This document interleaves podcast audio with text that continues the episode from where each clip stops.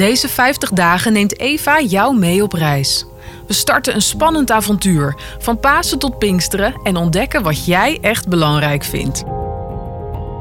Op zondag vertel ik, Marleen Stelling, een eeuwenoud verhaal over mensen zoals jij en ik uit de Bijbel.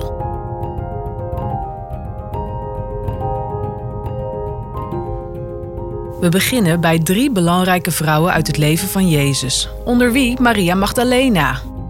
Twee dagen geleden zagen ze hoe hun geliefde Jezus aan het kruising en stierf.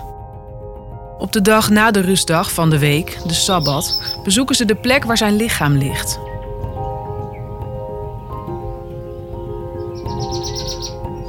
Een kleine ruimte, afgesloten met een grote zware steen. Volgens traditioneel gebruik hebben ze kruiden bij zich om het lichaam van Jezus te zalven. De vrouwen moeten stuk van verdriet zijn en verlangen naar een waardig afscheid.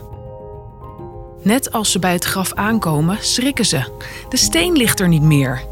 Een in het wit geklede man naast het graf zegt de vrouwen iets dat ze nooit zullen vergeten. Wees niet bang.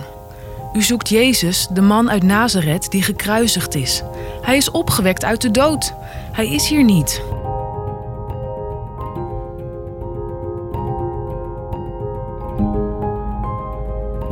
Het verhaal van deze drie vrouwen geeft mensen wereldwijd hoop.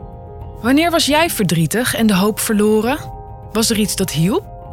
Mail gerust naar eva.eo.nl. Wil je verder lezen? Ga dan naar Marcus 16 in de Bijbel in je boekenkast of online.